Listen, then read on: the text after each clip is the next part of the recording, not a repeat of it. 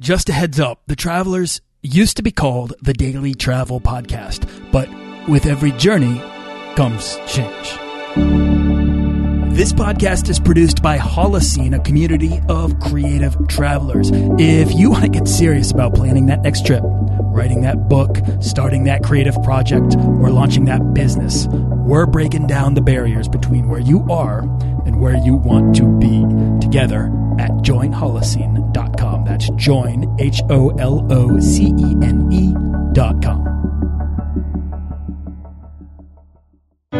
On this episode, I'm sitting down with travel writer and editor Alana Morgan. Do you want to travel further and more often to visit new places and meet new people and expand the role that travel plays in your life? I'm your guide, Nathaniel Boyle, an explorer that wants to help you get out, see the world, and find meaningful, life changing experiences. Everyone wants to be adventurous and have great stories, to do the stuff of legend. This is the Daily Travel Podcast. Today's free travel resource is going to be my own ebook, The Beginner's Guide to Points and Miles. And I wrote this because I felt like there weren't enough sites out there paying attention to the people who felt overwhelmed. So I put together 10,000 words. That's 40 pages on how to get started traveling for as close to free as possible. This podcast is about crushing the things that prohibit us from making travel a bigger priority in our lives, and cost is at the top. Points and miles are the best way I know to get over that hurdle and become an explorer of the world. This book is yours completely free at dailytravelpodcast.com.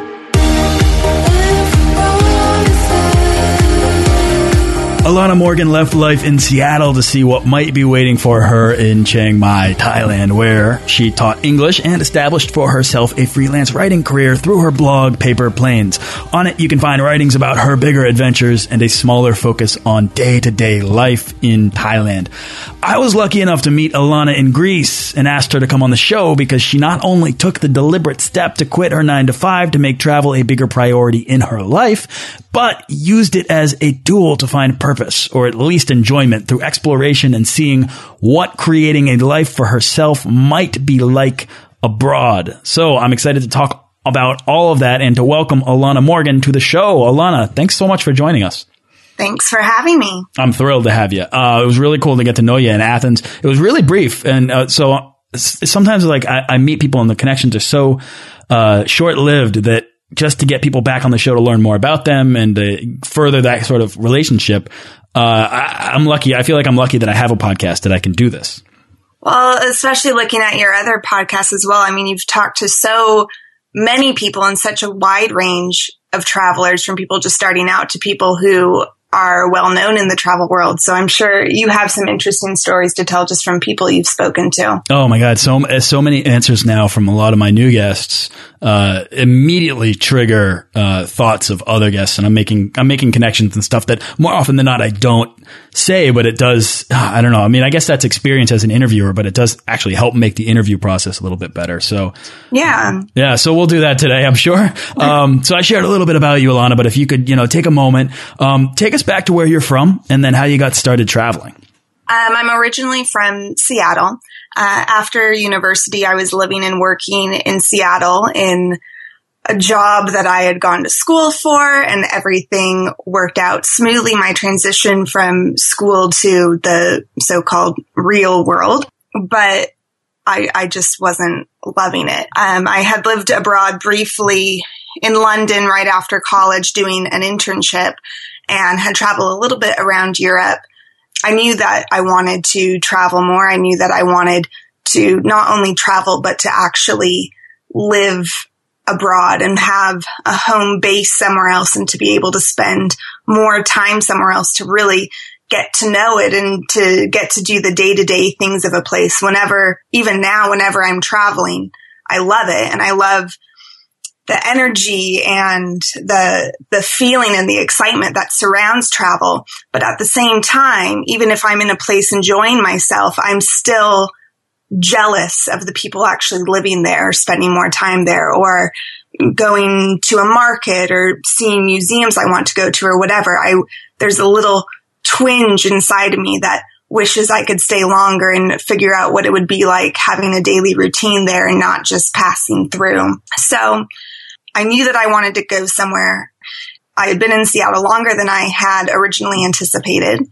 I thought that if I didn't do something right then, then it would be another three years and I would find myself still in Seattle, not knowing what I wanted to do or not going anywhere. And I was afraid of getting stuck.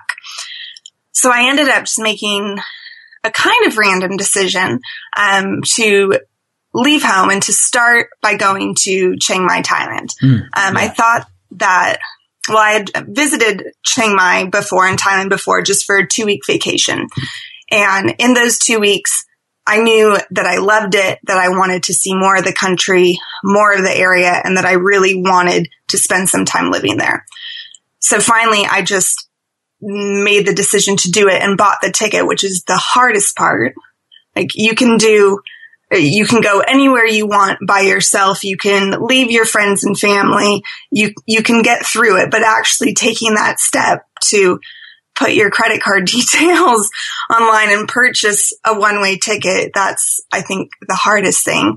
And once you Absolutely. actually do that, then you're golden. Like as soon I've been thinking about this and planning it for months. And as soon as I actually bought the ticket, I felt not so much a weight lifted off of me, but just kind of a sense of calm and purpose come over me thinking like, okay, well, that's it.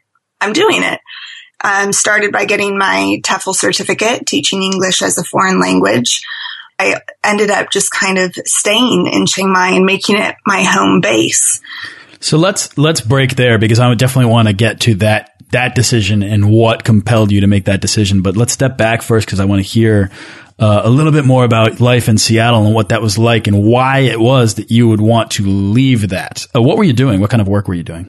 Um, I was working for a small public relations firm, and actually, I didn't know what I wanted to do, but I knew that I didn't want to be here. And there was no real reason for that except that I had been here most of my life. And spending uh, that maybe five, six months living in London and working in London and being able to travel, I just knew that I wanted a more global experience and a more global lifestyle than I would get staying in Seattle and in the area where I grew up there there's nothing wrong about Seattle. I love it. It's a great city. Yeah, I, I just it. knew that I wanted to do something else and see something else before not necessarily before it was too late, but before I got too comfortable. So where do you think that call to adventure then came from? Because I think, I mean, I understand everything you're saying and I made that same decision where it was like you feel yourself kind of settling into this thing and you stare into the future or you project into the future. Um, nothing but more of the same. And so I think that you get kind of, I don't know, squirmy and, and, uh, and you hear that call to adventure and, and you, you look at either more of this, which is not quite doing it for you whatever materialistic life you have set up for yourself, even if it's comfortable, even if it's successful, even if it's on, on like, uh, the right trajectory, it still might not do it for you. But then you hear this call to adventure elsewhere and there's a difference between the person who actually responds to it, answers to it, and, and, makes the decision to go out and travel, and the person who stays put in the comfort zone.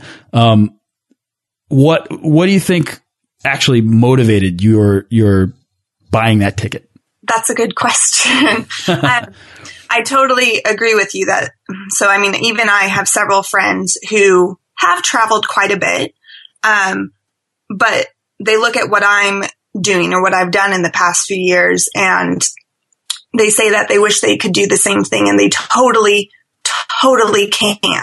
Yeah. They have the, the means to do it. They have the support. They have the finances. They have, uh, the, the knowledge and education and background that they could completely support themselves in a variety of different ways. Um, and they just will never take that next step. They'll never cut the cord with what they have now. And I don't, I don't really know like what, where that difference is between me and them. I, I don't, I believe that they really would like to do it. Um, but, but they never will. And I'm not sure, I, I'm really not sure why I d- did and why I made that difference. I just, for me personally, it, like I said before, the thought of becoming too comfortable and looking back three years, five years, 10 years, whatever, and thinking, oh, I always wanted to do that, but I didn't. I didn't want that to happen. And I guess I just didn't want that to happen enough that it, it pushed me to actually do something about it. Yeah, you mentioned before that you had the opportunity to live abroad briefly somewhere else. Where was that? When was that? And was that by choice? Um, yeah, I did an internship right after college living um, and working in London.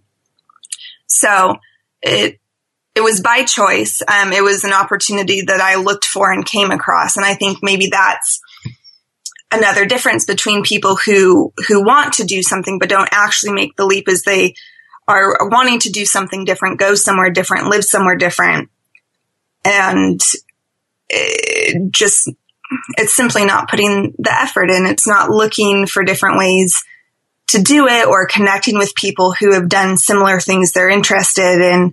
It's staying in that comfortable, recognizable, cushy world that they have built up, which on the other hand, I totally understand because it is difficult to cut ties to everything you know. And even if you're not completely happy in a situation, um, you, you might be comfortable in it. And that's difficult to, to leave or to turn away. Yeah, it's almost, it sounds like maybe the experience that you had in London, uh, having done it, even if it was just for a short period, you, you made it happen and you made it happen in a place that's not culturally, um, jar as, as jarringly different from, you know, where you're from. So you can go and you can kind of get a taste of what it's like to set up shop overseas. And then from there, I mean, it would be easier, I would think, for you to sort of visualize the bridge between your dreams and reality. All of a sudden you say, okay, well, I've made this leap before. It's doable. It's, it's not this massive peak that I have to summit. It's instead, it's just a, a lateral move to another country. And having done it before, do you think it made it easier for you to go to Thailand? Yeah, I think it, it made it easier in a way. It was, um, a little bit more difficult of a situation to, you know, be leaving a full time, good, solid job and to be leaving friends and family who I had been around for years. So that was a little bit more difficult. But I think if you start to travel a little bit, you immediately meet other people and make other connections that you wouldn't have if you just stay at home and you realize that it is doable, that a lot of people are traveling and living abroad and it's really not as big of a deal as you may have thought before if you didn't know anyone doing it before. So as soon as you can open up your world a little bit, I think you immediately realize there's something bigger out there and it's accessible and more accessible than you initially thought. Can you remember the moment in which you either purchased that ticket or made this a reality or maybe got on the plane or stepped off the plane into Thailand? Yeah, I can remember all of that. how did that, how did, pull out one, how did that make you feel? The um, actual change. I felt, I felt really good after, um, I purchased my plane ticket and I also signed up for my teaching course at the same time. And that signing up for the course kind of gave me that deadline that I had to be somewhere and I had made an even bigger investment in going somewhere than just buying a plane ticket that you could get out of. Um, so I think that helped me uh, give a little bit more um, purpose and reason to leave right then, um, and didn't give me a chance to to back out of it. Um, and once I did that, I had been thinking about it for years, and when I did it, it just felt it felt good. It felt like I was taking control of my situation in my life and making a decision about what I wanted to do and taking the next step to do that. So it was really empowering. Did that build confidence for you in in uh, taking the next step? Because that first step, it's like you were saying, that's the hardest part, right? Oh, it's so hard. Um, yeah, it did. Of course, I, I was really excited to go. I felt confident in my decision. I, you know, over the next probably about six, seven months or so, like I was planning well in advance um, tied up my loose ends at home, quit my job, said goodbye to people, set some things up in Thailand that I was going to do once I got there, made it onto the plane, made it across the world, landed in Chiang Mai, got to my hotel and just started bawling. like, um, and it wasn't, it wasn't that I was scared or anything, but it was just, it was a big deal. And I think I had been the, the excitement and everything and all the emotions wrapped up to it. It all kind of came out once I got there and I realized, oh my goodness, it's so hot here and I'm by myself and no one knows where I am and what am I doing? But in about two days that went away and I had been fine ever since. What, like, what was the change that made you start um, to feel more comfortable? With any big life change, you have that moment, like you're keeping things together, but there, you will have a moment where you kind of freak yourself out and go, Oh my gosh, am I really, is this really happening? Am I really doing this? And then once you get that out of your system, you're good. And I got really lucky because I had happened to choose a great place to start my journey abroad and start living abroad. And it was a great fit for what I needed at the time. And it, I just felt so grateful and so lucky to be there. Yeah, Chiang Mai is a place that keeps coming up on this show for very obvious reasons. And it's that it offers a low cost of living, a high quality of life, pretty strong expat community, I think. It's a jumping off point to the rest of Southeast Asia. Uh, did, were these the factors that you had when you chose to go to Chiang Mai or was there anything else?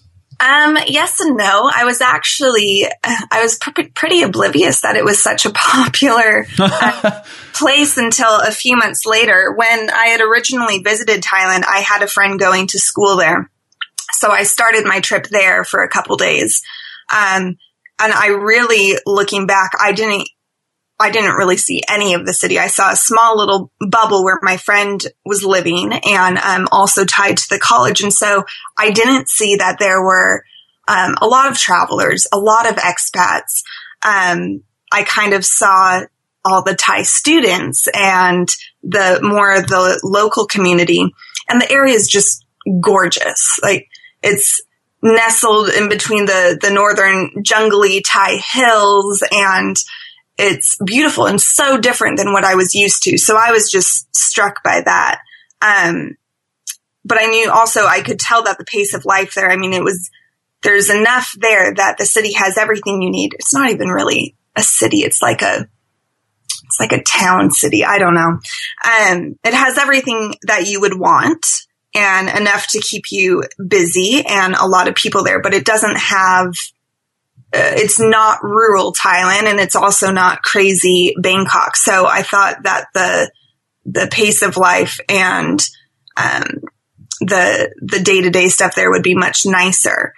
It, but you're right, everything you said. I mean, it it's a big tourist hub and it's growing every year. Um, it's a huge expat hub as well. There's um, a lot of schools there, so there's a lot of English teachers. There's also um, quite a large kind of yoga, health, new age, spirituality community there. And there are um, a lot of retirees there. I think for the past couple of years, the U.S. News and World Report has named it the number one place to retire in the world. So I, that's what I said when I lucked out. Like, I knew it was going to be nice because I had been there before and I liked it, but I didn't quite realize how good it was going to be and how easy it would be to live there. Who did you end up hanging out with? What was your social life like? When I started my website and I started blogging and freelancing more, it kind of opened up this whole world of the different people who are traveling indefinitely around the world and doing different jobs and having their websites or whatever to make it happen. This world of digital nomads, which Chiang Mai is also a hub for that is what I really had been completely, completely oblivious to before. Interesting. So you had to go there to discover that. So how long did you anticipate staying? And because uh, you ended up staying for three years, and that decision to stay, I would imagine, is a was a very big one for probably for you, but also family back home, huh? Yeah, um, well, I never actually decided to stay for three years. it, kind of like when I was working in Seattle and, you know, a couple years later, you realize, gosh, I'm still here. Um, that's kind of what happened in Chiang Mai. I kept making these little decisions to stay. So I thought initially that I might be there about eight months. I thought I would go get my um, teaching certificate. I would travel a bit. I would maybe teach for a semester in a summer. And then I would move on and travel more and maybe live somewhere else. And after my first semester teaching, I just knew that I wasn't done. I felt like if I had left Chiang Mai at that point, I, I would have felt like there was something missing that I hadn't seen or done or experienced all that I wanted to do in the area. And then it just kind of kept going like that. Every time I had an opportunity to make a change and leave, I decided that I would stay a little bit longer, a little bit longer. And then hmm. it turned into three years. So you just renewed your teaching contract at the time? So I had a teaching contract for a year.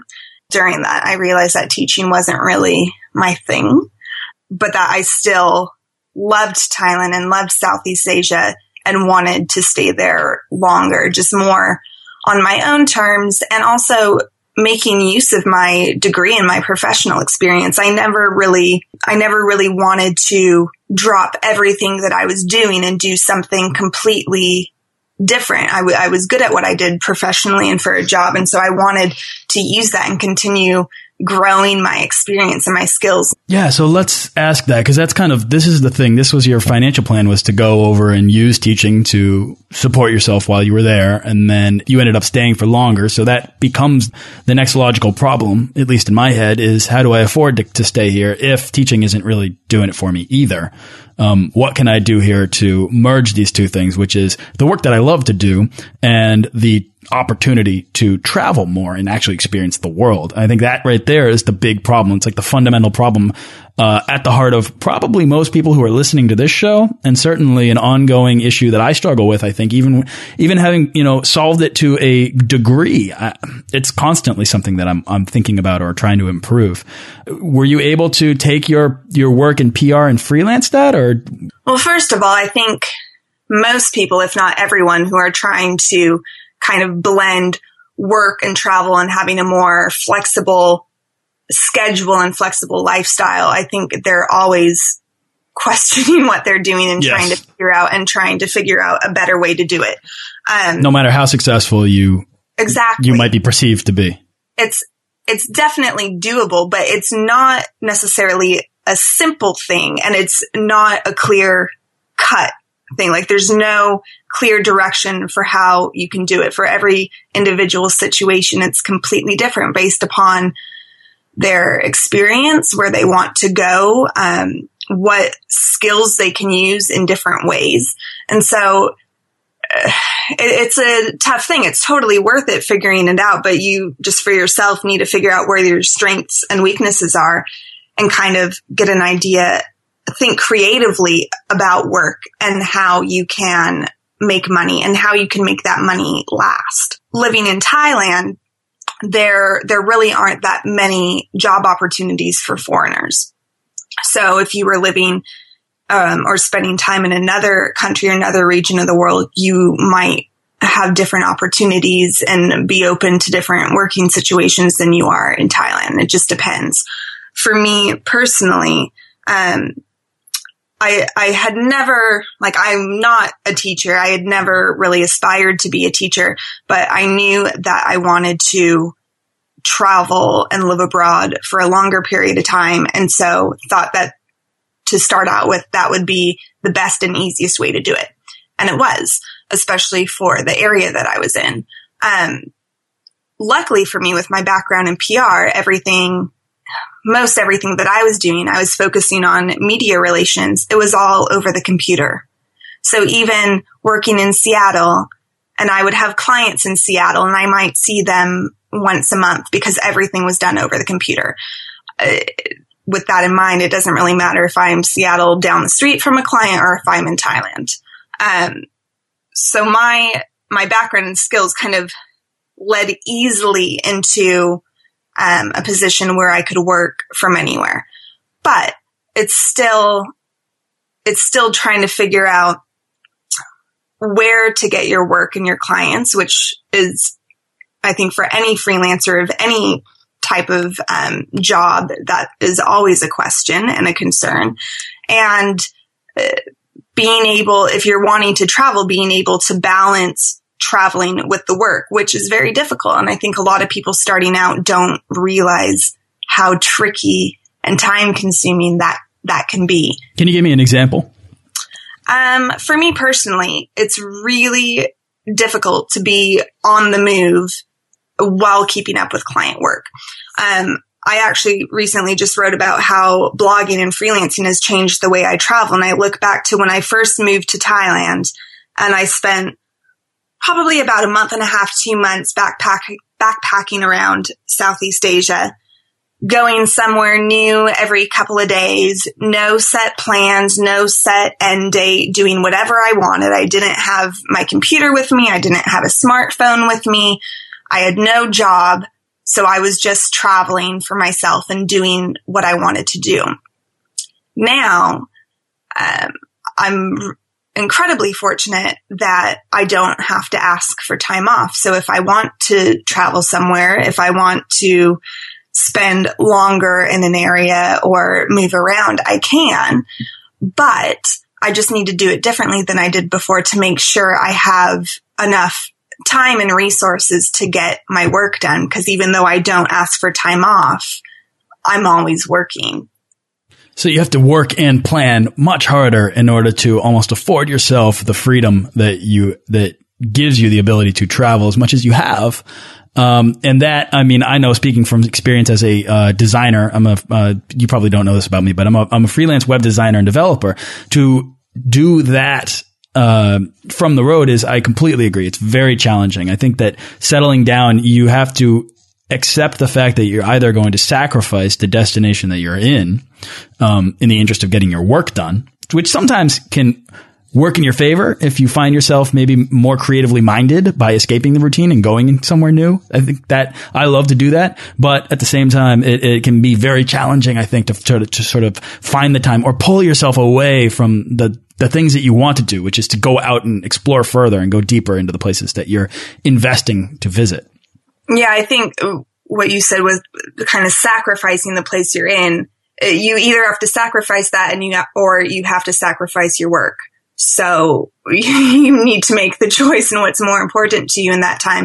Um, an example of that is, so when we were in Greece, I think I spent a total of maybe eight days in Athens and between um, spending several of those days literally just on my computer from about eight in the morning till eight at night, um, going to a conference also for work and trying to catch up with some people. I saw the Acropolis on my last day there. Like I, I spent over a week in the city and I saw the main thing that was a 15 minute walk away on the last day. So I didn't see nearly as much of Athens as I would have if I had just been straight traveling. At the same time, I I wouldn't have spent so much time in Greece if I hadn't been working because since I'm constantly working and having money in, I have the means to to go somewhere and to keep it going longer. So it's kind of a catch 22. Um, and I think that's also something that people working and traveling are always trying to figure out too. And is very individual of figuring out what works best for you and how you can balance everything. I think balance is a very difficult thing to, to do. It's, it's very individual. Uh, it comes down to your work habits. Do you need to be stationary in a place that does not excite you for three months or are you really good in a coffee shop and that coffee shop could be in the middle of Switzerland and it doesn't matter, you know, what's around you because you'd be, you'd just be happy to be somewhere new in Switzerland. Um, that I, I'm actually more of that ilk and less of the, uh, sort of routine stay at, in one place for a long period of time. Um, but that's just because that's where my creative energies come from. So it's, yeah, it's very personal. It's very tough to figure out. Um, and you kind of have to learn by doing, or at least be in touch with yourself to understand what's the responsible decision to make if your work is going to follow you to the destinations. If, if it's not a vacation, but it's actually just travel. Um, in your case, in their case, though, you you get to you know that that travel becomes a business expense because you've integrated at this point it sounds like you've integrated both your work and your travel into sort of the same entity yeah there are there are some things that i do work wise um, either writing for clients like writing and managing company blogs or doing media outreach for companies that has nothing to do with travel. But then also since I have um, my own site that is travel and expat focused, I also write for a lot of other websites about travel. So whenever I'm going somewhere, this is another way my travel has changed too, is that whenever I'm going somewhere, I'm not just simply enjoying it. I'm looking for ideas of what would be interesting to share either on my site or other outlets that I work for. Um, I, I'm getting way more pictures than I would have ever taken just for my own personal use because I don't know, again, if it's going to be used on my own website or for something else that I'm currently writing for or that I may be writing for in the future. Um, so yeah, so it's more and more it's blending travel and work, which is really cool. But uh, yeah, I'm still, I'm still figuring it out. And I think I always will be. Always will be. And now, where are you right now? You're at home, right? Right now, I am in Seattle. Um, it's the first time that I've been back for the holidays in three years. So it's time to be here for a little while. I normally came home to visit in the summer when the weather was a bit nicer. Well, we were touching on this a little in the pre interview that everything now can be new to you all over again, which in a way at least temporarily solves that desire for new experience. Exactly. And I think that that's one of the reasons why I have loved living abroad so much and have wanted to continue living abroad is because it kind of, it blends that daily life, that daily routine and the real joys of daily life. I mean, I, I don't think routines are bad. I think routines are great. I think when routines turn into ruts, which is kind of what I was feeling when uh, right after college, I was working in Seattle. I felt like I was in a rut. Everything was familiar. I did the same thing every day in the same order at the same time. And since I had spent most of my life here, I wasn't noticing or realizing things around me that were new and interesting.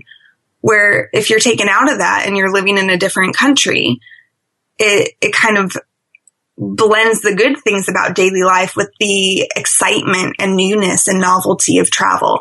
Even after being in Thailand for three years, every single day, there's still something new that I see, do, notice, experience, learn, think about. And so I feel more active and present in my daily life now being away from Seattle, away from home for a while, you're right that now that I'm back, especially during a time like the holidays that I've kind of missed out in the past few years, it has that sense of newness and novelty again. And I don't just feel stuck and unaware and unappreciative of everything around me. It is new and interesting and worthy you know, on my last job, I uh, met a guy. This is, you know, a nine to five job, and I was learning the ropes. I was kind of uh, probably you uh, when you were in Seattle working at a small PR firm. This was me working at a design, interactive design agency in Boston. And I met a guy who had been freelancing and he had been able to travel and he had had freedom. And he took this job because he was going to get married and he needed some stability and he, he wanted to solve some of these problems. And I remember, you know, asking him, I mean, do you, do you like this? Because I wanted it out and he was just getting in and he had been freelancing and I needed to pick his brain.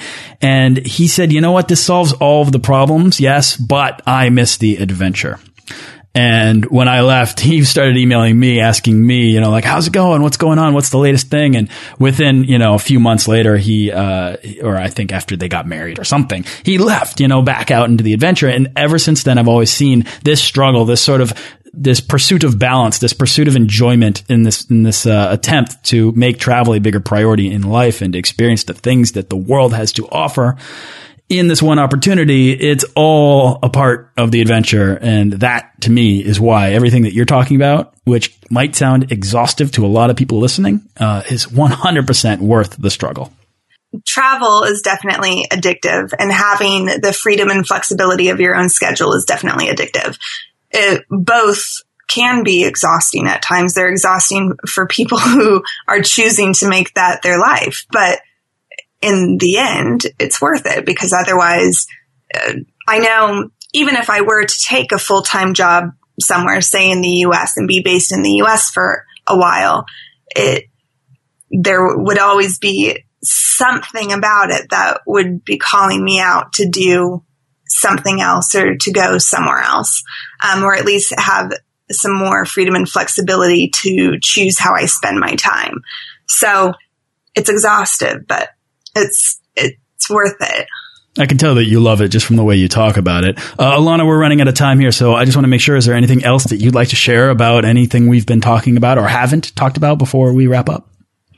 Um, I think just for people listening who are interested in either traveling on a two week vacation or traveling long term or moving abroad or whatever, whatever it is, it doesn't even have to be travel specifically, but whatever it is that you want to spend more time doing, you completely can if you make the effort to do it. It's, it's up to you. It's within your power. It's just making that decision and committing to it that you will allow yourself the opportunity to do it. That's great advice. Alana, what's exciting you the most right now? Where's your next trip or what's your next project? Ah, um, that's a good question. Um, I'm thinking of a few things for the beginning of 2015, but I'm not really sure yet. I'm really just focusing on being with family now and we'll see. But um, I probably will be heading back to Southeast Asia soon. I don't think I could stay away for too long. Love that. So, where can people then go to find out more about you, Alana, and follow your trip?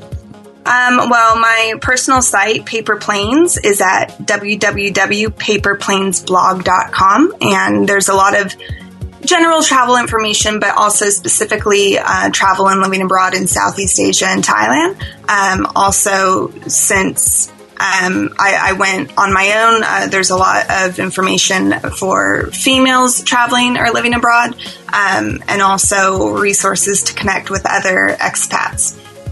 Love it, Alana. I love your story, and I love the the perspective that you have on life, the decisions that you've made, the decision to go, the decision to stay, uh, the decision to come home. All of these things are big, and that sort of pursuit of balance uh, is it's something that I think it's very hard to even explore on this show. But you've done a really great job coming on here and allowing me to sort of probe deeper to find out exactly how it is you make travel a travel life a reality for yourself. So thanks so much for coming on the show. Thank you. Thanks for listening to this episode of the Daily Travel Podcast. For show notes and links to everything in this episode and more, head on over to dailytravelpodcast.com. Join our Facebook page of explorers and subscribe to our newsletter for the best deals and resources to help make your next trip life changing.